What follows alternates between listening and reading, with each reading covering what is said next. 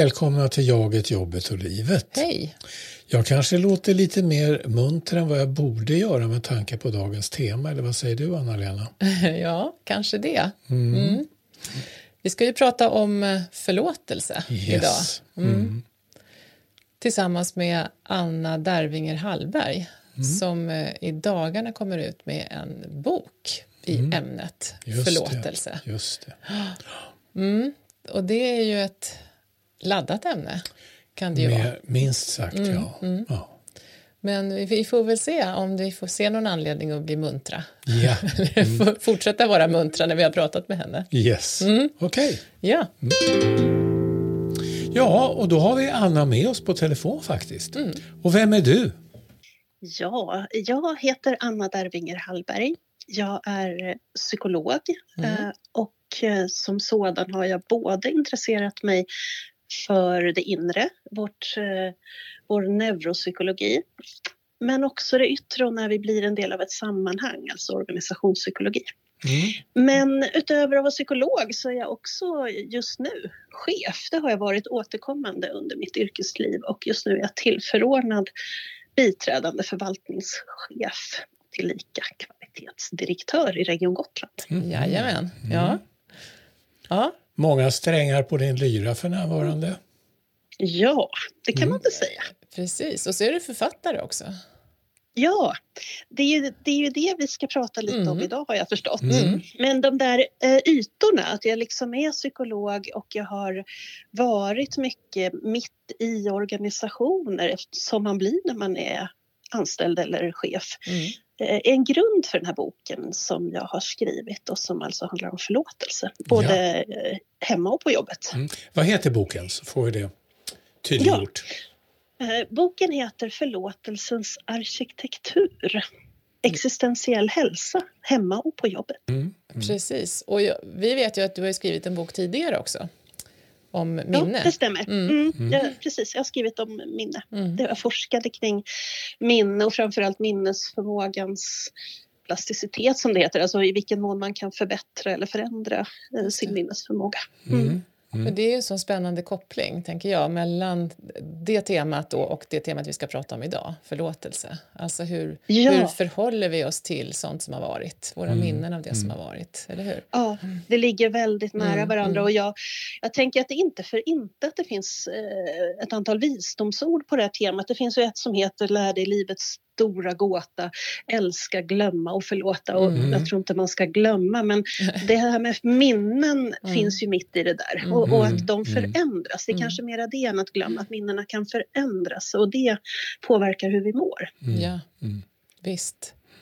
Ja, och där är ju en koppling, tänker jag, till det vi pratade om förra, i vår förra podd här. Just om, om hur, Tankarnas tidsresor. ja, hur Mm. tankarna om det som har varit kan ta sig ganska olika skepnad och då påverka oss på olika sätt. Så det här är ju Ja. Ett, ja, ett jättestort och spännande Mm, område. Mm. Hur ska vi dyka in i det Ja. här då? Min tanke, eller vår tanke har varit att först få ett grepp om vad menar vi eller vad menar du med Mm. förlåtelse? Alltså, definiera Jo, men det är väl en-. Det är väl en bra ände att börja i. Och med Mm. det vill jag, och nu när jag lägger ut texten lite vill jag ändå understryka att det här är ju ett begrepp som naturligtvis många använder på sitt eget sätt och med all Mm. rätt. Mm. Men, men, men när, när man tar sig an det inom psykologin så har man eh, ringat in det lite grann och då menar man med förlåtelse det inre arbete som man gör eh, Mm. för att så att säga släppa smärta, ilska, oförrätter och vad det nu kan vara eh, mot någon eller något som ja, har gjort en illa på något sätt. Mm. Åtminstone så har minnet fastnat så att det nästan är som en psykologisk sårskorpa. Mm. Och, och Mm. det arbetet mm, använder man begreppet förlåtelse Mm. för medan Mm. det finns ett annat ord som ligger väldigt nära och det är försoning. Och, och när man benar i det brukar man mena att det är nästa steg om man ens väljer att ta det och det är att så att säga reda ut något, fördjupa något tillsammans med en annan. Mm. Men förlåtelse är ett inre arbete. Ja, ja. Mm. Det här med att liksom bocka och be om förlåtelse som vi ibland kan, kan eh, jag på att säga, tvinga våra barn till. Mm. det, det, är inte i samma eh, dimension så att säga som den här mera psykologiska definitionen av förlåtelse som en process mer inom en själv. Nej, inte riktigt. Mm. Och samtidigt har det naturligtvis med saken att göra. Det, eh, det är intressant det du säger, det där vi tvingar våra barn, mm. eller vi själva blev tvingade som barn. För mm. när jag har jobbat med den här boken, det har pågått under några år, för det har varit en inre resa också, men eh, då har jag stött på just människor som säger nej, men fy, det där ordet, liksom det, mm. det får mig liksom att må dåligt bara jag tänker på det, för jag blev tvingad. Mm. Eh, fast det var jag som var egentligen var den som var liksom snäll och så fick jag liksom... Ja. Mm. Så, så det är ett lurigt begrepp. Mm. Men, mm. men det som den forskare som har hållit på längst med att liksom titta på det här psykologiskt, han, han heter Everett Worthington och han, han benar i förlåtelse och säger att ja, det finns ju en, en slags beteendenivå, alltså att, mm. att vi faktiskt kan och det gör att sociala livet flyter på. Att man, man ber om ursäkt, ursäkta att, eh, att jag står på din tå eller mm. Ursäkta mm. så hemskt mycket, förlåt att jag glömde att skicka en bukett blommor på mors dag, eh, mm. om man nu mm. glömde det. Det är ju liksom ett socialt smörjmedel som där mm. förlåt så att säga används på en nivå. Mm. Men sen pekar han ut att att det finns en annan nivå och det är den känslomässiga nivån. Så att mm. även om jag har så att säga sagt förlåt eller förlåtit någon så kan jag ju ha alla möjliga känslor som kokar omkring inombords ja, och fortsätter att försätta mig i ett slags inre stresstillstånd. Mm. Mm. Och, och det är här han menar att, att det där inre arbetet mm. kan behöva göras. Mm. Mm. Åtminstone vid någon tidpunkt. Ibland är ju inte tiden rätt. Mm. Eh, så att så en mm. dimension kring förlåtelse är ju liksom eh, på vilket, i vilket djup befinner vi oss. Ja. Mm. Eh. Mm. Just det. Nej, men för man kan ju mm. tänka sig att, om, om, eh, att förlåta någon som har råkat trampa på min tå kräver inte något jättedjupt emotionellt Nej. arbete. Nej. Det, det liksom räcker Nej. med det där. Ja. Eh, men, men, eh, det gör det för mig, höll jag på att säga. Men så är det inte. Jag kunde inte låta bli. Apropå att fastna i oförrätter. Så man, kan, man får ta fasta på det lilla man har liksom, och se till att odla det. Jag har fortfarande ont i tån, ska du veta. ja, ja. Ja, nej, men, ja, förstås. Sen mm. finns det ju helt andra saker som kräver den här processen. Det är ju det som är spännande här också, att det är den här olika nivåerna? Ja, jag tycker det är spännande för att det blir, liksom, det blir det är ett begrepp som egentligen åtminstone i vårt språk eh, liknar begreppet kärlek. Mm. Att vi kan använda eh, jag älskar om till exempel en viss chokladglass. Mm. Men vi använder också det ordet för någonting som är helt livsavgörande, till exempel vår relation till vår nyfödda bebis. Mm.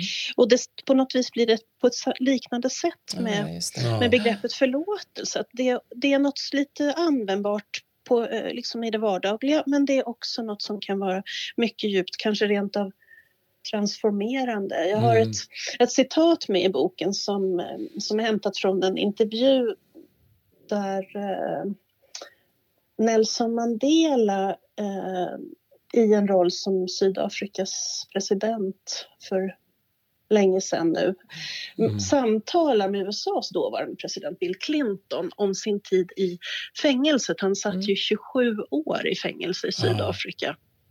Och han säger då att jag kände ilska, hat och rädsla och jag insåg att om jag fortsatte hata dem som satt mig i fängelse efter att jag satte mig i bilen och åkt ut ur fängelsets portar så skulle jag fortfarande vara kvar i fängelset. Mm. Mm. Så jag släppte taget och förlät, mm. för jag ville vara fri. Och det låter ju enkelt men självklart ägnade han ganska mycket tid mm. åt det där inre arbetet.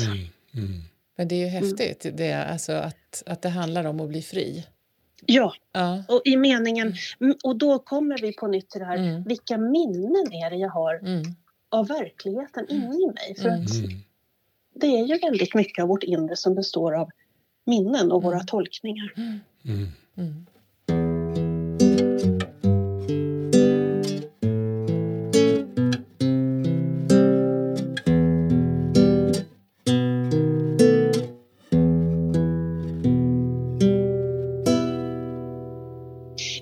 Tycker blir mm. spännande, om vi ska stanna lite vid mm. Nelson Mandela, det är ju att um, han blir ju efter att ha suttit alla de här åren i fängelse så småningom vald till eh, Sydafrikas president. Mm. Och det jag har tänkt på, som jag skriver om i liksom senare delen av boken som handlar mer om förlåtelse i organisation, mm. det är att han gör ju en resa inte bara för sig själv utan faktiskt för, för i, i, hans fall en hel nation. Mm. När han som ledare blir vald och har gjort en del av det här arbetet så har han ju en möjlighet att så att säga föra samman en del riktigt svåra händelser och erfarenheter i sitt land. Mm. Som inte hade blivit om han hade klivit upp och sagt jag utkräver hämnd, som är förlåtelsens motsats. Mm. Mm. Så visst spelar ledare och de här inre arbetena och organisation roll och hör mm. ihop på något mm. vis. Mm. Men det var en avstickare. Vi kommer mm. till organisation så mm. småningom, mm. för det är ju där ni hör hemma. Och det, jag, vet, jag lyssnade ju på er förra podd och eh, det här med tidsresor och vad som kan hända eh, på jobbet med dem. Ja. Ja, man blir tankfull bara för alla de här olika spåren. Ja. Men eh, ja, är det fler dimensioner av det här med, med förlåtelse? Finns det mer att säga om vad ja, det? Alltså jag, jag tycker det finns, eh, om man tänker att det finns en, en slags dimension som handlar om yta djup mm. Eh, mm. Eh, så skulle jag säga att det också har en, det finns en annan dimension och den dimensionen handlar om mig själv eller andra. Och, mm. Ehm, det finns ju en ehm, en forskning som kanske framförallt har handlat om hur, hur jag ska förlåta andra. Eh, men det kan också handla om att förlåta mig själv och det mm. inre arbetet ligger nära det som det finns ganska mycket skrivet om idag, nämligen självmedkänsla eller engelskan mm. self-compassion. Men, men steget här är ju ett till eftersom det handlar om att man faktiskt har gjort något i någon måte som har eh, orsakat någon smärta eller blivit mm. fel på något mm. vis. Så, att, mm. så det handlar ju faktiskt om att, att med medkänsla om sig själv också kunna fejsa kanske och se sig själv lite i sanningens vitöga.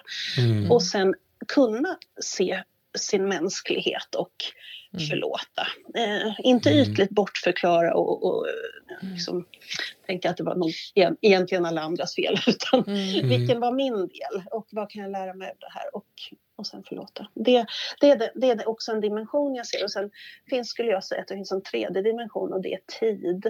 Eh, för att om det är lite lite, lite allvarligare smärta, lite mer komplex situation som man inte på en gång får överblick över, då kan mm. det verkligen behöva gå tid. Uh, mm. Jag tänker också att ibland kan det behöva finnas, förutom tid, att man har förflyttat sig i rum och man har varit med om en, en allvarlig händelse i sitt liv som kan ha innehållit fara för en själv på något vis. Då kan det ju handla om att faktiskt förflytta sig i säkerhet innan man mm. börjar ägna sig åt förlåtelse överhuvudtaget. Man behöver ju mm. ha sina gränser på plats först, mm. äh, tänker jag. Mm. mm. mm. Ja, det är de tre dimensioner jag har identifierat. Ja. Och sen är det som sagt var kontext. Ja. Eh, I vilka sammanhang eh, är det enklare eller svårare att förlåta? Jag associerar också, apropå tid, jag associerar till det här eh, gamla klassiska visdomsordet då, att tiden läker alla sår. Mm. Och där skulle ja. väl jag i och för sig vilja sätta ett frågetecken inom parentes efter ordet alla sår. Uh, ja. Alltså det, tiden kan väl läka en hel del sår mm. men ja. allt kan liksom inte riktigt läkas i den betydelse att sårkorpan försvinner och allt det där. Nej. Utan att det öppnar upp ibland och blöder lite grann. Mm. Och sen, ja, ja, och verkligen. sen går jag, håller helt med dig, Palle. Mm. Verkligen. Um, jag tänker att det finns en del sår som förvisso kan Eh, läka men det är inte bara tiden som ordnar det utan det, är, mm. det, är, det är många gånger mm. eh, ens egen ansträngning men, men nästan alltid också ens relation och, och möjlighet att få dela med mm. andra människor. Eh, vi är ju inte solitärer utan vi behöver ju få in andras perspektiv och eh, värme många gånger när det gör ont i livet. Men jag tänker på det där med sår som blir kvar och som det inte händer så mycket med. Alltså mot, mm. kanske inte hämnd då, men mer att det blir man blir fast i ett ältande av någonting ja. som man inte blir färdig med. Mm. Och jag, jag har en, en, nära släkting som inte lever längre men som hade mm. en, en del i sitt liv där det var som att det var en grammofonskiva som hade hakat upp sig på något vis. Hon mm. kom mm. aldrig... Det bara repeterade och det hände ingenting med berättelsen. Den var bara Nej. där. Liksom. Och jag, jag tänker ja. att det var en sån enormt tydlig motsats till att bli fri från någonting. För det, det var ja. något som hon hade varit med om som var väldigt besvärligt på många sätt. En, en liksom, men som kom att prägla hela hennes liv. Ja. Uh, mm. Jag eh, känner eh, i, i den lilla igen mm. mig själv för mm. att det är lätt att hamna där. Mm. Att, att man till slut liksom fastnar i en berättelse mm. av hur något har mm. varit som kanske fyllde en viktig funktion i stunden.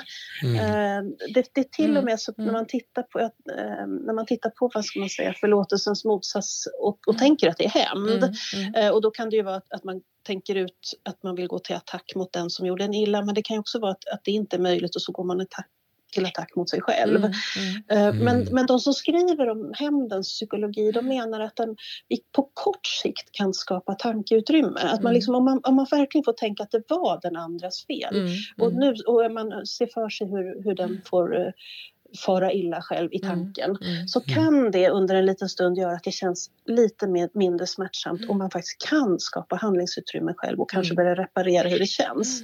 Men, men det du beskriver kring den här släktingen det ligger väldigt nära det ni pratade om i förra podden. Mm. Det här med de här förenklade historierna. Mm, mm, och ni mm. kallade det övervåning tror jag. Mm. Med, med krigshistorier som blir en slags schabloner man återvänder till där, där alltid det, liksom, det det är alltid eller alla eller aldrig. Mm, det, mm. det, det, saknas nyanser. Mm, det är som att som ett foto som inte tillåts att få nya dimensioner. Eh, och, och, jag tänker minnet behöver påfyllning för att faktiskt inte frysa fast i sådana förenklingar. Mm, mm.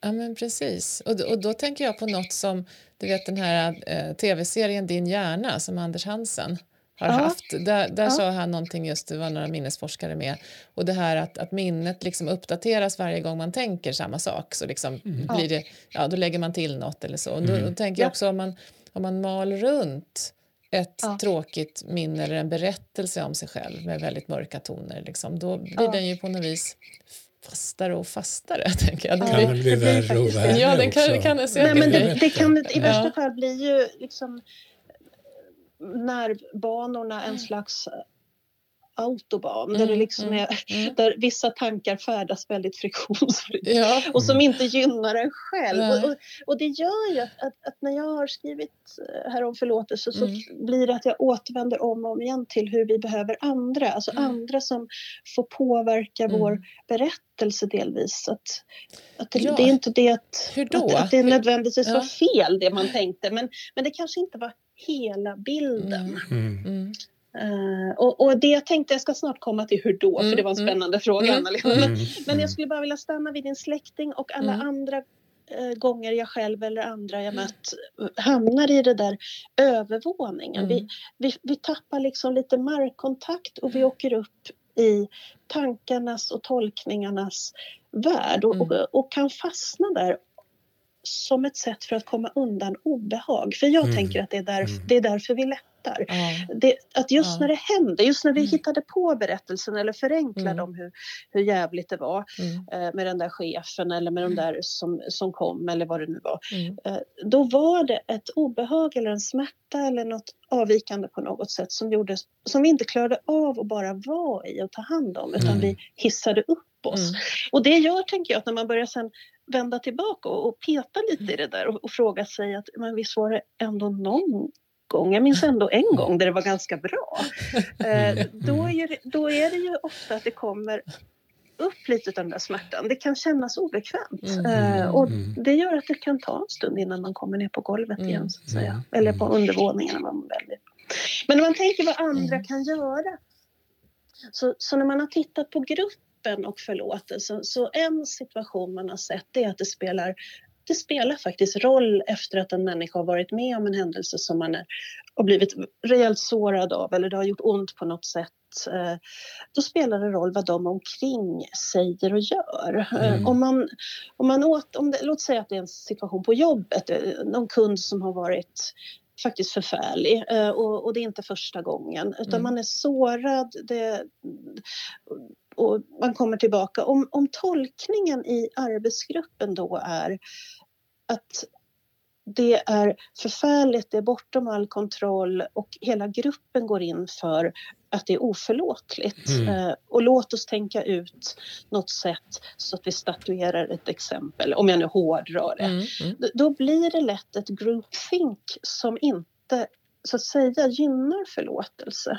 Mm. Medan om jag kommer tillbaka och åtminstone några av mina kollegor säger att ja jäklar, det där är en så himla svår situation. Man hamnar i den om och om igen. Gud vad ont det måste ha gjort.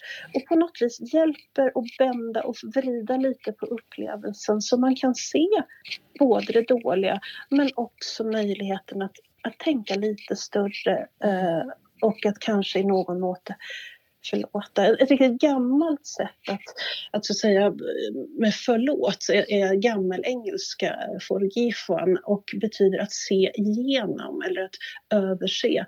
Och jag tänker att det många gånger handlar om att se lite igenom, se lite större mm. för att kanske kunna på något sätt förlåta det som hände i alla fall eller åtminstone göra något realistiskt kring det för att ja. det ska bli bättre. Mm. Så då tänker jag väldigt sådär konkret, så tänker jag i en sån situation, säg att man har man, har, det, det är en, man sitter i kundtjänst eller något sånt ja. och man har en, ja. en superotrevlig människa som har ringt och härjat.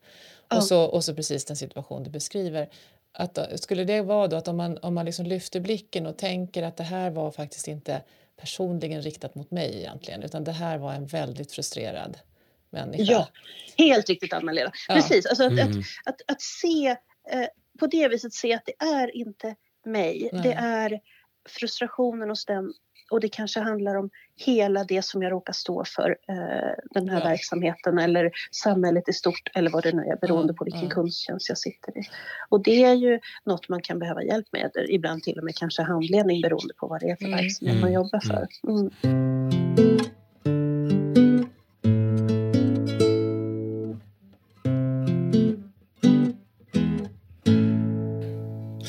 Får en annan eh, association här eh, och det handlar om ens egna förväntningar mm. på eh, mm. folk och fä, eller på, att säga, på en mm. arbetsplats eller i relationer. Att man, om man har för höga förväntningar eller för orealistiska förväntningar på vad, man kan, så att säga, vad som kan hända med den här människan eller vad det nu kan vara då finns det ju risk att man övertolkar misstag och, och blunders ja. eller saker och kan känna att man blir väldigt kränkt eller illa ja. ansatt.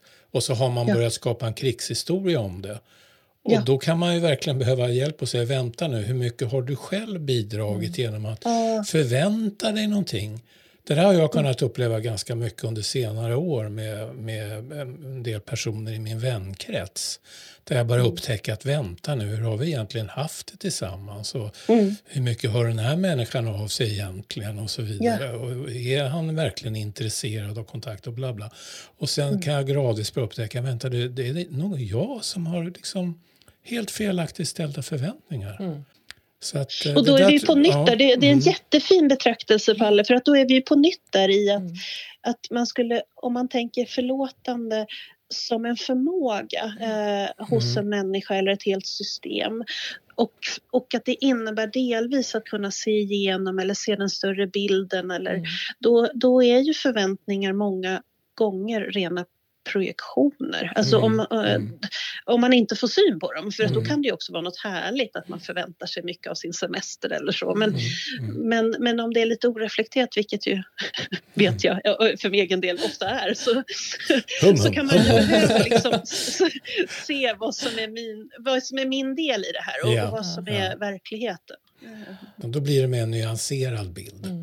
Ja, och det kanske påverkar riktigt. ens egna känslor och reaktioner och, mm. och, när man ibland reflekterar över det eller minns ja. vissa saker och så vidare. Mm. Helt så borde det kunna fungera. Mm. mm. Ja, jag tänker att det finns om, alltså i, i vardagen som organisationspsykolog tänker jag, så stöter man ju på mycket sånt här i arbetsgrupper.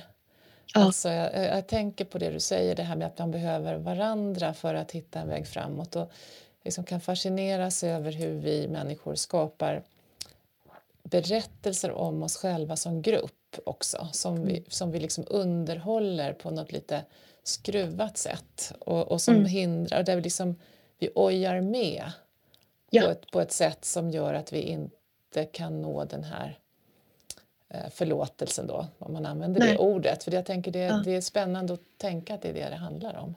Alltså ja. att, att, eh, för det, visst, jag menar, det finns ju inte någon grupp som har en perfekt chef. Det finns ju liksom inte. Det är förstås Nej. så att en chef klantar ofrånkomligen till det någon gång. Liksom. Ja, ja, ja. Eller hur, Anna? Vi, ja, jo, men jag är ju just nu då, ja. eh, om en tillförordnad chef. Men, ja. men, och i, eftersom jag då eh, utöver det är människa mm, eh, så, mm. så, ja. så, blir jag ju inte, eh, så blir jag ju jag är ju inte perfekt Nej. Eh, utan det är ju eh, dagligdags så att, att jag möter, eh, att jag behöver bråka både med mina egna föreställningar om mm. hur jag borde vara mm. och kan, ibland även andras. Mm. mm. Eller sammanhanget. Så, ja. Och där kan man ju, eller märker jag att jag behöver återkommande utöva någon typ av egen självförlåtelse över mm, att mm. jag bara helt enkelt tåla att jag är den människa jag är. Och, och naturligtvis mm. vid mm. rätt tidpunkter, eh, om det är på, påkallat, reparera relationer genom mm. att be om förlåtelse. Mm. mm. Eh, att, mm. att stå för saker jag själv inte eh, som inte blev bra. Och om jag inte själv har förstått det, att jag förhoppningsvis kan bygga sammanhang där den som har blivit, känner sig illa behandlad eh, vågar ta upp det. Mm. Det, det mm. tänker jag handlar om det som ja, autentiskt mm. ledarskap så tillvida att man är autentisk som mm. människa mm. i den roll man råkar ha. För det är ju, mm. det är ju inte något medfött utan det är ju en roll man har på jobbet och inte sen helst. Nej, men jag tänker också på det som Palle tog upp här med förväntningar för där finns ju också, tycker jag, man ser att vi alla vi tenderar att, att förvänta oss någon sorts perfektion liksom, från mm. den som ska leda oss. Och då så blir vi så besvikna liksom, när det inte är så. Och då, då är det ju verkligen det här, hur hjälper vi varandra att hantera den? Det är ah. livsfakta att, att det, kan, det kommer inte att vara perfekt. Mm. Liksom, och, och, eller hur, hur gräver vi en liten grop åt oss själva genom att, att oja oss liksom, kring det ah. på, på ett sätt som, som biter sig fast på något vis. Och så mm. blir det det där... Ah. Ja, man, Men det är liksom, det som är intressant, mm. Anna-Lena, för mm. att det, det, gör ju, och det är väl det som jag tyckt att det, att det blir lätt eller för mig har det mm. känts ganska lätt att gå med, mellan neuropsykologi och mm. organisationspsykologi. För det är ju, båda handlar ju om att förstå system. Mm. mm. Alltså, mm. och i det ena sammanhanget handlar det om att det kan uppstå ett ältande in i ens eget huvud. Mm. Eh, det alltså, kan det, eller, man, eller hur? ja. Men, men det är också faktiskt något som kan uppstå i, i det som man kan kalla en slags vad ska man säga, group mind, alltså det som blir vårt gemensamma tänkande eh, i en, till exempel en arbetsgrupp. Det man kanske snarare då kallar klimat eh, eller kultur beroende på eh, hur mm. mycket det också är förankrat i hur vi beter oss. Eh, jag tänker att kultur är en slags ganska omedvetna gemensamma minnen som vi repeterar i hur vi beter oss och tänker och gör. Eh, och då är vi plötsligt inne i att vi kanske i värsta fall tillsammans håller vi håller igång ett ältande eh, som inte är mm. förmånligt för gruppens växande och mm. arbete på jobbet. Mm. Mm. Det, samtidigt som det kan vara ett socialt kitt så det mm. finns ju något mm. väldigt eh, förrädiskt i det. Mm, alltså mm. det. Det kan ju vara mysigt att sitta och älta. Ja men precis. Eh, det, det, Gud, vem har inte gjort det? Nej, jag. Men visst. Nej, men jag, jag, brukar bjuda på det ibland när vi, när vi pratar om sånt här när, när jag är ute och jobbar. Att, att jag blev ganska förskräckt över mig själv när jag insåg hur, hur drivande jag har kunnat vara i såna där ältande processer på arbetsplatser ja. där jag har funnits. Det, är inte, ja. det, det känns ju inte jättesmickrande att se liksom, med sig själv. Men det, men det är precis den där, det där suget in i att det blir en sammanhållande faktor. Mm. Mm. Uh, och, och då tycker jag att ditt, det här, den här vinkeln med förlåtelse som frihet är så härlig. För ja. att det, man blir inte fri när man ältar. Nej, man sitter, man blir inte det. är som ett på, det är sånt där, vad heter det, ett, ett plåster som inte vill släppa. Liksom. Det, bara, det, går, det bara klistrar sig fast. Liksom. Mm. Det är verkligen någonting mm. klistrigt mm. Mm. och ofritt. Mm. Eh, och, som in, och i den ofriheten tillåts man ju inte heller växa och utvecklas. Mm. Och det gynnar ju till slut inte en grupp heller. Så att, och det gjorde att, och det här är ju så, jag blir alldeles till mig över att sitta och prata om detta, men, men det förde mig vidare i mitt, i mitt utforskande, mitt litteratursökande och så småningom mitt skrivande i den här boken. Mm. För att det, då började jag söka litteratur kring förlåtelsens psykologi med fokus på eh, förlåtelsen och system eller förlåtelsen och organisation, förlåtelse och design. Och det finns inte mycket forskning ännu men det finns sedan tio år tillbaka ungefär en liten eh, mängd forskning som jag då har sammanfattat i den här boken mm. eh, på ett eh, förhoppningsvis lättillgängligt sätt, för det är meningen.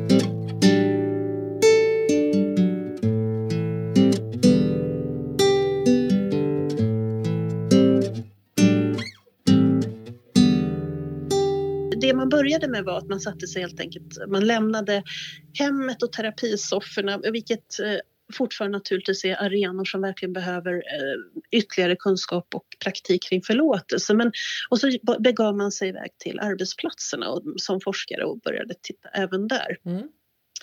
Eh, och i början, de, den tidiga forskningen fokuserade liksom på fenomen som konflikter och, och, och, mobbing och annat på jobbet och hur man kan på riktigt jobba med det i en arbetsgrupp. Men nästa steg tog en forskare som heter Michelle Gelfand och började titta på eh, förlåtande system, alltså själva systemet. Eh, och då på jobbet eh, i en grupp eller en hel organisation. Och, och då menar hon att ledningssystemet, det vill säga chefer från högsta nivå ut tillsammans med medarbetare, men hon lägger ett ansvar på chefer och ledningssystem eh, som förmår skapa en övervikt vad gäller tre förutsättningar i kulturen kommer att ha ett mer förlåtande klimat. Och då nämner hon medkänsla, hon nämner känsla av rättvisa och sen nämner hon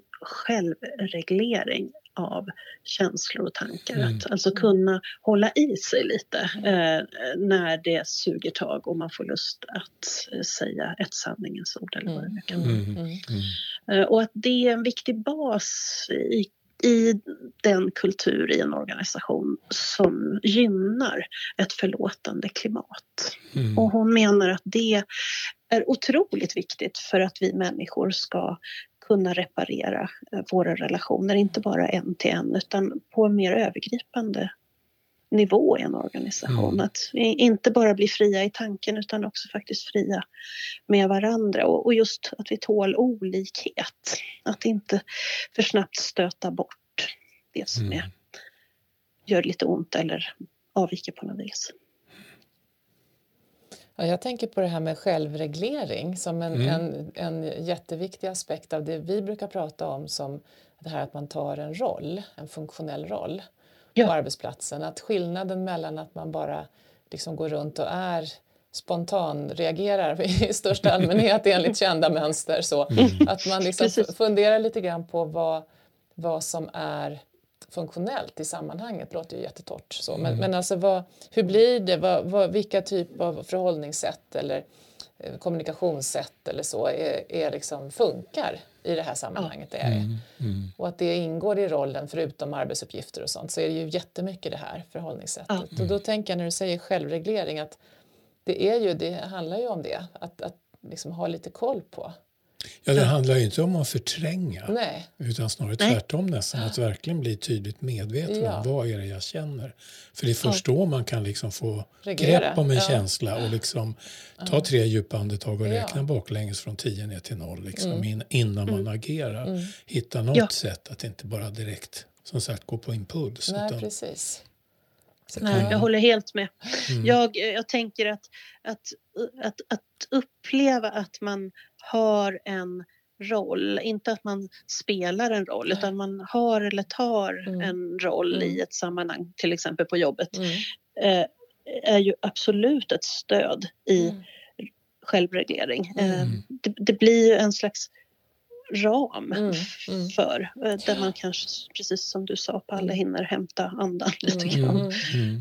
Um, och om man nu inte skulle lyckas med det, att man faktiskt också har ett sammanhang där man kan hämta hem sig själv och och, och, och, vid behov kanske faktiskt eh, be om ursäkt och, mm. och säga vi, vi, tar det, vi gör om och gör rätt eller vi, vi tar det här igen. Det, det var... Jag funderar på, det är flera olika teman här som mm. smälter samman, men just det här med är det enklare att förlåta en medarbetare som till exempel visar brist på självreglering som mm. bara liksom har plötsligt gått igång på någonting? Mm. Är det lättare att förlåta en medarbetare, någon som så att säga står lägre inom citationstecken i en hierarki, än att förlåta en chef? Någon som är i chefsposition. Alltså finns det vissa yrken och vissa positioner i en mm. organisation där kraven på perfektionism är mycket mm. större. Mm. Och då blir domen så mycket hårdare också och det blir oförlåtligt. Mm. Medan mm. är det liksom kompisen som sitter bredvid mig som mm. gör någonting. Ja, ja, det där var ju tokigt liksom. Men ja, ja mm. okej okay då. Jag släpper det liksom. Men om det är chefen som gör något, då blir det mycket svårare att släppa det. Eh, förstår ni vad jag säger? Ja, ja, ja, ja. Nej, men jag förstår precis. Mm. Det roliga ja, väldigt, nej, och, det, och det är inte roligt för att det här är inte så enkelt. Eh, mm. Det är att det här är också något man har tittat lite på mm. i, i forskning okay. kring förlåtelse, mm. nämligen makt. Mm. mm. Eh, och då hittar man egentligen båda mönstren. Ens, och det är ju för att det är så nytt. Forskningen är så ung när, när man inte har på så länge. Men man, man ser att, eh, precis som du säger, ja, i, i vissa situationer är vi hårdare mot de högre upp eh, än mot vår, vår like eller hur man ska säga, alltså i, i högre upp eller längre bort mm. jämfört med de allra mm. närmaste. Mm. Eh, å andra sidan har man sett att eh, tvärtom. Den som är långt ner i en hierarki och väldigt beroende av högre upp kan komma att tåla eller stå ut kanske det mer mm. handlar om då, inte äkta förlåtelse. Men mm. alltså ha ett förlåtande inställning till personer man är väldigt beroende av en bit upp. Mm. Att, man, att man på något vis måste göra så för att kunna fortsätta att stå ut med sig själv och gå till jobbet. Och då, nu pratar vi ju mm. inte en slags vad ska man säga, autentisk förlåtelse. Nu pratar vi mer hur människor kan tvingas bete sig för att mm. så att säga hantera en situation. Att, att man, ja, man liksom tänker att ja, ja, sådana som hen eh, mm. fattar man väl att de eh, inte har alla liksom, allt rent mjöl i påsen och sådär. Och så, och så biter man ihop. Mm. Men, men så att det är det, vad jag förstår så beroende lite på hur man tittar på det här med förlåtelse och hierarki mm. så är det, ser man mm. lite olika saker. Mm. Jag får en hejvild association till barns lojalitet med föräldrarna. Ja. Mm i ja. väldigt allvarliga sammanhang. Mm. Att, att ja, det är inte, precis, Palle. Jag, jag mm. uppfattar det inte som att de är liksom lojala lika med att de, har, de förlåter utan de är liksom Nej. bara vad ska jag säga, lojala. Mm, mm. Ja. Eh, en sen, extremt tyst ja. Mm. anpassning för överlevnadens mm, skull. Mm, och, och då tänker jag, då är vi inne i, ja, vi nuddar vid de här begreppen vi har pratat om men, men kanske att vi är lite närmare ren överlevnad. Mm. Alltså ja, system, system, i vår hjärna som vi i så fall delar med, med många andra mm. varelser. Mm. Uh, där, vi, där vi kan behöva anpassa oss ganska rejält för att överleva och då, mm. Mm. då är det svårare att få tag i för att det sker mm. många gånger bortom vårt tänkande.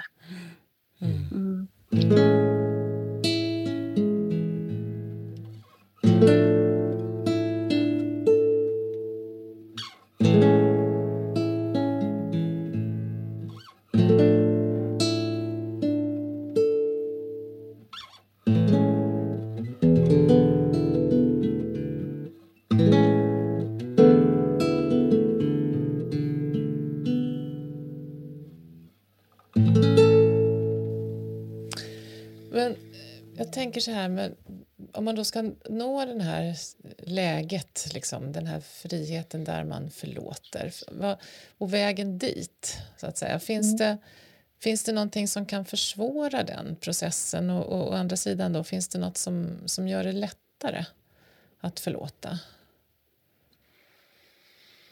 Ja, det, det som det man vet verkligen försvårar ett förlåtelsearbete, mm. det är om, om det som hände upplevs eller verkligen eh, på många sätt kan förstås som att, att det skedde med intention. Eh, mm. om, om, låt säga att du faktiskt har varit utsatt för svårt våld mm. och det, eh, det är svårt att tänka att det var en en olyckshändelse. Det, det, det var, det, ja, både du själv och kanske även andra kan se att men det här skedde ju så att säga med flit. Eh, Man har blivit misshandlad till exempel. Ja, ja. precis. Ja. En, en sån situation där, där, där det känns och är att, något, att det har skett med en intention mm. att skada dig. Det är en försvårande mm. omständighet i ett förlåtelsearbete. Mm. Icke desto mindre är det jätteviktigt att när man befinner sig i trygghet så småningom påbörja det så att inte det blir ett inkapslat minne både i mm. så att säga själ och kropp eh, med spänningar både i muskler och, och till slut i känslor. Men, men det ser man är försvårande. Mm. I, I sammanhang där det är tvärtom, mm. där, där det liksom där det faktiskt man själv eller med hjälp av andra kan se att nej men det här är ju allmänmänskligt. Fast det där som du har varit med om nu eh, gjorde så fruktansvärt ont. Eh, tonåringen stack och har inte hört av sig på en hel vecka. Ja, men det har, det har hänt andra också. Mm. Eh, mm. Det, det, det finns goda chanser att det här till slut går över. Mm. Eh, du kan hitta sätt där du kanske kan bidra till att relationen blir bättre. Eh, det finns ett visst mått av egenkontroll i situationen. Ja, då är det gynnsammare. Mm. Eh, mm. Mm. Men andras reaktioner är, vet man är väldigt viktiga. Alltså mm. hur andra ja. reagerar. Om mm. de sluter upp på hämndens mm. sida mm. och låser till så att berättelsen till slut blir en hel grupps berättelse mm. och där du kanske måste berätta den för att hela gruppen tjänar på att du fortsätter att berätta den. Eh, är ju en mycket svårare omständighet än eller om en mm. hel grupp kan hitta ett sätt där man tar sig vidare och ser så att säga den större bilden. Ja. Gud vad intressant, för vet du, då kommer jag att tänka på de som trädde fram här i samband med metoo. Ja. Alltså som på något mm. vis blir bärare åt andra för någonting. Ja. Ja. Och, och att, ja, hur blir det om de... Ja, du fattar. Det, det är liksom, vad, vad, vad gör man där några blir representanter för en rörelse? Ja. Och, och det, deras berättelse och att den hålls levande och, och laddad är viktig för andra. Ja. Mm. Jag, jag, jag, tror du är inne på något oerhört viktigt. Eh, där, där, där ibland några av oss tar en sån roll mm. för, mm. för jättemånga. I, mm. I det här fallet var det ju en internationell rörelse. Mm. mm. Men mm. där man kan, när åren har gått, behöva se till så att det inte får ett för högt pris för en given individ. Nej, men precis. Mm just det, vad, vad, som händer med de här jättestarka och jätteviktiga berättelserna om de inte får landa i den personen på ett sätt som gör att den personen blir fri utan att man för ja. evigt är en bärare av mm. någonting. Helt riktigt. Och då, och då är vi tillbaka i den här spännande mm. tidsresan mm. som ni har ägnat er åt mm. eh, i en tidigare podd. Mm. Nämligen att i värsta fall kan liksom historier permanentas och hållas fast mm. av väldigt många människor. Eh, och och i, i, stunden är det ofta att de har haft ett väldigt högt mm. verkligt mm. värde. Men när tiden mm. går mm. så kan de behöva få ny markkontakt och framförallt att varje individ får rätt att lämna historien och, och berätta sin egen nya friare historia. Mm. Att man får fortsätta växa som människa. Men det som jag vill återkomma till det är att i samma stund som man börjar göra det, att man lösgör sig från en given berättelse, då kommer ju ofta även smärtan eh, eller obehaget. Och, och, och det, det behöver man känna till för det, mm. det, det kan man också behöva handskas med själv eller tillsammans med andra. Att, att jäklar nu, mm. nu blir det jäkligt spänt mm. över mm. axlarna och det mm. kniper till i maggropen eller, eller jag får känna mer ångest än vad jag gjort på mm. länge. Men samtidigt kanske mer levande också. Ja, och där är det väl viktigt den här distinktionen att, att förlåtelse, just eh, apropå den inledande dikten som du citerade, det handlar mm. inte om att glömma eller förtränga. Nej. och så på ett slags tillkämpat ytligt plan bestämma sig för att nu har jag förlåtit dem eller nu har jag mm. förlåtit mm. den här personen. Så vidare. Utan att, att det är en process som handlar mycket om, alltså ju djupare förlåtelse mm. desto djupare eh, känslor väcker det. Ja, och, ja helt riktigt. Oftast på smärtplanet. Mm. Så. Mm. Men alltså måste man förlåta allt? Kan man förlåta Nej. allt? Nej, jag, alltså, det, jag tänker att det är otroligt viktigt att understryka att valet att börja undersöka om någonting, eh, om det finns något jag vill förlåta, mm. eh, måste ju vara mitt. Mm. Så att ett, ett, eh, en uppmaning från någon annan att förlåta mm. Eh, tänker jag egentligen inte är, ja det kan man ju säga, men det är mm. egentligen inte möjligt mm. för att det, det, är ju ett initiativ och en resa man behöver utforska själv. Om, det, om vi nu är inne och pratar om den här känslomässiga och därmed om välvande, omtolkande minnesnivån. Mm, och det är en mm. annan sak om det handlar om ett beteende eh, och, och en slags allmän eh, trevlighet. Ja. Att, mm, det, mm. då, då tänker jag att visst kan man uppmana någon eh, Mm. Kanske även sina barn. Att det, ja. att det kunde vara lite fiffigt om du eh, ja, mormor är ledsen och det är väl bra om du kunde ringa och be om förlåtelse ja. att, att du glömde hennes födelsedag. Ja. Eh, eh, och, och tänker att mm. ja, det kanske faktiskt är lite smidigt men då, då är vi ju inne på en slags an, då är det en annan nivå. Och den är, det är inte finare eller fulare men det gäller att hålla isär begreppen mm. lite grann mm. när vi pratar mm. om samma ord för, för mm. olika saker. Lite olika saker. Mm. Just det. Och sen tänker jag vad vad som är spännande tycker jag när du, som du beskriver det här att det är, en, det, det är en inre process som handlar om mig. För jag tror att jag har liksom tänkt mycket kring förlåtelse och tänkt kring den jag vill eller inte vill förlåta. Alltså att det, ja. det, det på något vis i mitt huvud handlat om den andra. Mm. Liksom. Och då tänker jag att det här som du beskriver, det, då är det ju liksom den andra är inte så himla viktig egentligen. vad ska Nej. Nej, nej men, nej, men precis jag menar. Anna-Lena. Ja. Det, det, är, eh, det, eh, det, kan visa sig senare att den andra är mm, viktig. Mm, men, men, mm. men själva det här arbetet handlar om, faktiskt om mina egna erfarenheter mm. av den andra och det betyder att det är ju minnen in i mig mm. kring den personen. Mm. Mer eller mindre verkliga nu. Om det kan, ibland har det gått jättemånga år. Mm. Det kanske handlar om 40 år sedan. Mm. Mm. Då är det ju, det är minnen mm. eh, faktiskt. Eh, eh, sen nästa steg kan, kan det ju vara att, när jag, eh, att, det, att det känns naturligt att, mm. att prata med den här personen och, och reda i. Och, och, och, särskilt om personen är är villig att undersöka också, då kan det ju verkligen bli någonting väldigt fint mm, med, mm. med försoning. Eh, mm. Men det är en annan sak. Ja.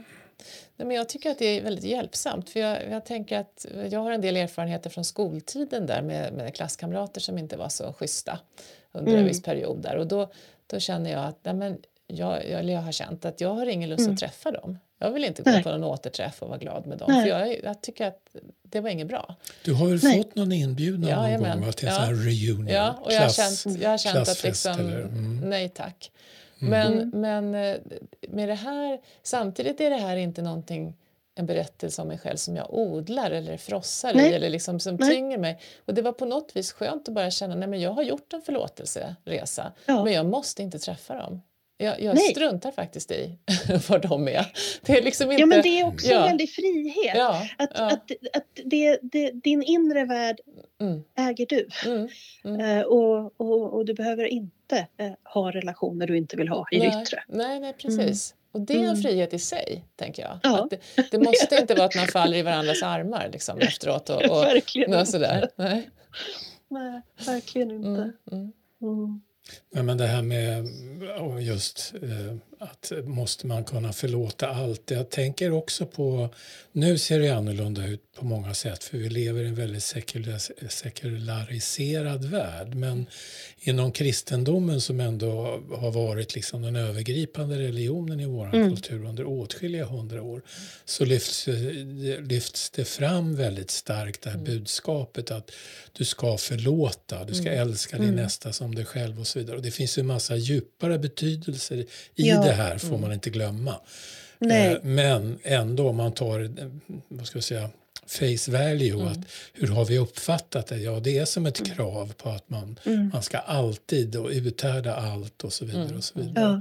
och frågan är hur mycket det fortfarande ringer kvar inom oss när mm. den här lilla, för jag kan känna med mig själv att, att uh, lite skamset när jag inser att nej, det där tänker jag inte förlåta eller jag, bara, jag skiter mm. i jag bara släpper grejen. Mm. Jag vill inte vara mm. fångad av det längre. Och så kommer en, en befrielsekänsla inombords som samtidigt blir kryddad med lite skam eller skuld. Mm. nu har jag inte riktigt räckt till som människa. Nej. För vi är dessutom Guds avbild så vi borde väl vara perfekta i många avseenden. Men det är vi mm. inte. Mm. Och så vidare. Ja, nu mm. blir jag lite mm. agiterad här märker jag. ja. ja, ja. men du Palle, jag kan säga att i, i, under de här mm. åren när jag har hållit på och skrivit och tänkt det betyder ju också att jag naturligtvis har inte kunnat avhålla mig från att prata om det jag håller på och skriver och tänker. Mm. Eh, eh och när jag, när, när jag har pratat med vänner och kollegor och andra så, så är det ju de här erfarenheterna som kommer. Och, och mm. Dels är det erfarenheter från hur man blivit bemött i olika situationer, inte sällan som barn mm. eh, där man har blivit tvungen och mm. förlåta på ett sätt som jag tänker inte ligger i ordets mening. Men det andra är ju erfarenheter från eh, religionen och, och mm. eftersom vi lever i ett land som där kristna eh, är störst så är det ju just den erfarenheten som kanske man i så fall oftast har mm. återkommit till. Mm. Där, det, eh, där jag tänker som du antyder att eh, jag tror att det finns en, en väldigt djup kunskap om vad förlåtande och förlåtelse innebär i, mm. i inom de andliga traditionerna. Det är ju faktiskt där, det är där, och faktiskt alla världsreligioner har liksom förlåtelse som en kärnfull mm. del i, i, i, sin lära. Så det, det, är klart att det över årtusenden har förvaltats mänsklig kunskap kring detta mm. i, inom våra religioner. Men men sen är det ju hur, hur de som har jobbat i institutionerna har förmått ja. översätta det till människors väl och ve. Ja, eh, ja. Där har det kanske stundtals gått snett, eh, tänker jag, mm, där man har mm. eh, inte befriats utan snarare känt sig insnärjd i de här begreppen på ett sorgligt sätt. Mm, mm. Jag har haft många intressanta stunder med mig själv och andra när jag har.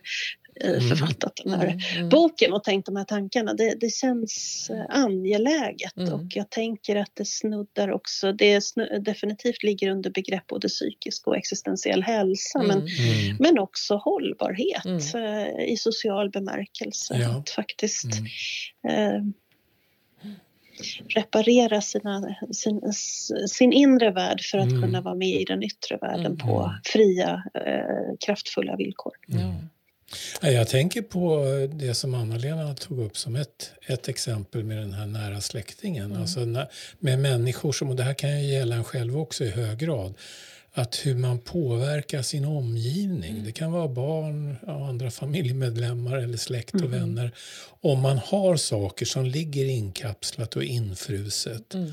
Ja. Eh, hur, hur, och det kan ju vara värt att fundera verkligen över då att vad får det för konsekvenser för mm. omgivningen. Mm. Då, då är det ju verkligen hemma Också, eller på ja, jobbet, ja, visst, inte minst visst. på jobbet kanske, men vad man tar mm. med sig dit mm. och, och, kanske har svårt att gå, kliva in i en roll och mm. alltihopa det där. Ja, uh, verkligen. Ja, och att, att det, det, är någon slags självrannsakan i det här som man kan behöva göra parallellt. Eller som kan hjälpa en kanske att inse att nej, jag måste gå till botten med det här. Jag mm. måste hitta ett ja. mer konstruktivt sätt att leva med det som kanske till och med var oförlåtligt. Mm. Men jag måste handskas ja. mer och ta ansvar för det. Verkligen. Och, och, det är väl där det blir så häftigt att tänka att förlåtelsen är i mig. Mm. Det är liksom där det är. Det, det, kan vara oförlåtligt. Alltså jag behöver inte ha ja. mer med den här människan att göra eller den här Nej. situationen. Mm. Mm. Men det är en resa i mig som gör att jag blir fri. Mm. Ja, det är det Precis som är liksom, ja, jättehäftigt. Ja, det var någon som, eh, jo jag tror det är Jean-Paul Sartre, jag hoppas jag inte har citerat det här i någon tidigare podcast, men då kanske lyssnarna har glömt det i alla fall. Nej, men att bli vuxen är att ta ansvar för den människa som andra har gjort den till. Mm. Apropå ja. barndomsupplevelser. Det där är ett uttryck som när jag läste det första gången i början på 80-talet så gav det mig en jätteskjuts i den ja. livsperioden jag var inne i då, för då hade jag ganska kämpigt. Att ja. liksom ändå, det gav en känsla av kontroll mm, att inse mm. att nej, jag måste ändå ta ansvar för det här. Så jävla ja. orättvist är det. Mm, mm. det som ja. andra har gjort? Mm, när jag var försvarslös och, som barn och alltihopa. Mm. Det. Ja, men that's life alltså. Tugga i dig det här unge man ungefär. Så, så blev känslan inom mig och det, det bar mig framåt där. Ja, Anna, gud vad, vad spännande. Det känns som det här, vi får eh, återkomma till det här. Det är ett ja, jätteområde. Mm. Jag tror, men det är nog så här långt som vi kommer idag, tror jag. Ja, men det, det tror jag också. Ja. Jag tänker att vi har, vi har vänt och mm. vridit mm. på begreppet förlåtelse mm. från mm. åtskilliga håll. Mm. Uh, jag tror att det är alldeles lagom att stanna här. Ja, det ska ja. bli jättespännande att läsa din bok. Ja. Mm. Och jag hoppas ja. och tror att våra lyssnare är lika tankfulla som vi. Mm, mm, ja, verkligen. får mycket bra reflektionsmaterial. Verkligen. Mm. Men Anna, stort tack för att du ville vara med och prata mm, med oss stort idag. tack. Ja, mm. Tack själva, ja. verkligen. Mm. Tack så mycket. Ha det så gott. Hej då. Ja, hej då. Hej. Ja, oj vad många aspekter det fanns av det här med förlåtelse som ja. i alla fall inte jag hade tänkt på. Mm, ja, det stämmer. Mm. Vi, vi skojade ju lite om det inledningsvis här, om, mm. om man fanns anledning att känna sig munter eller inte. Mm. Och, ja, vad säger du Palle? Ja, nej men inte, inte så munter mm, längre, mm. men eh, mera allvarsam men mm. också optimistisk. Att, att det gav mycket funderingar och tankar i rätt riktning. Att man faktiskt kan på olika sätt eh, be om förlåtelse, ta emot förlåtelse, mm. lära sig för, ja, försonas med olika saker och så vidare. Mm. Kunna mm. gå vidare i livet. Mm. Det är inte, man behöver inte sitta fast. Man har en ganska stort inflytande själv faktiskt ja. över, över sitt inre liv och hur man... Ja men precis. Mm. Och, och, just det. Nej, och jag tänker på det här att, att förlåtelsen är någonting som handlar om en själv och inte mm. om den andra. Mm. Det tycker jag mm. eh, landade i mig verkligen. Mm. Anna återkommer ju också gång på gång mm. till det här som en inre process. Mm, och det tyckte jag var väldigt givande, väldigt intressant. Intressant, det låter så intellektuellt, men även på ett känslomässigt plan. Man blir nyfiken, man vill utforska det här mer. Ja, jag håller med. Mm. Ja, vi får eh, låta det här sjunka in och, och fortsätta ja. fundera. Mm. Och sen nästa gång om tre veckor, ja. då kommer vi ha en julspecial ja. får man väl säga. Det är dagen före julafton ja. faktiskt, 23 december. Och då kära lyssnare så ska vi ägna oss åt julen mm. och julfirandet och flera olika aspekter av det, vad det kan innebära för oss. Ja, mm. det blir kul. Mm. mm. Men eh, ja, då så. Då säger vi på återhörande. Det gör vi. Dagen innan julafton. Ja. ja. Hej så länge. hej, hej. Hej.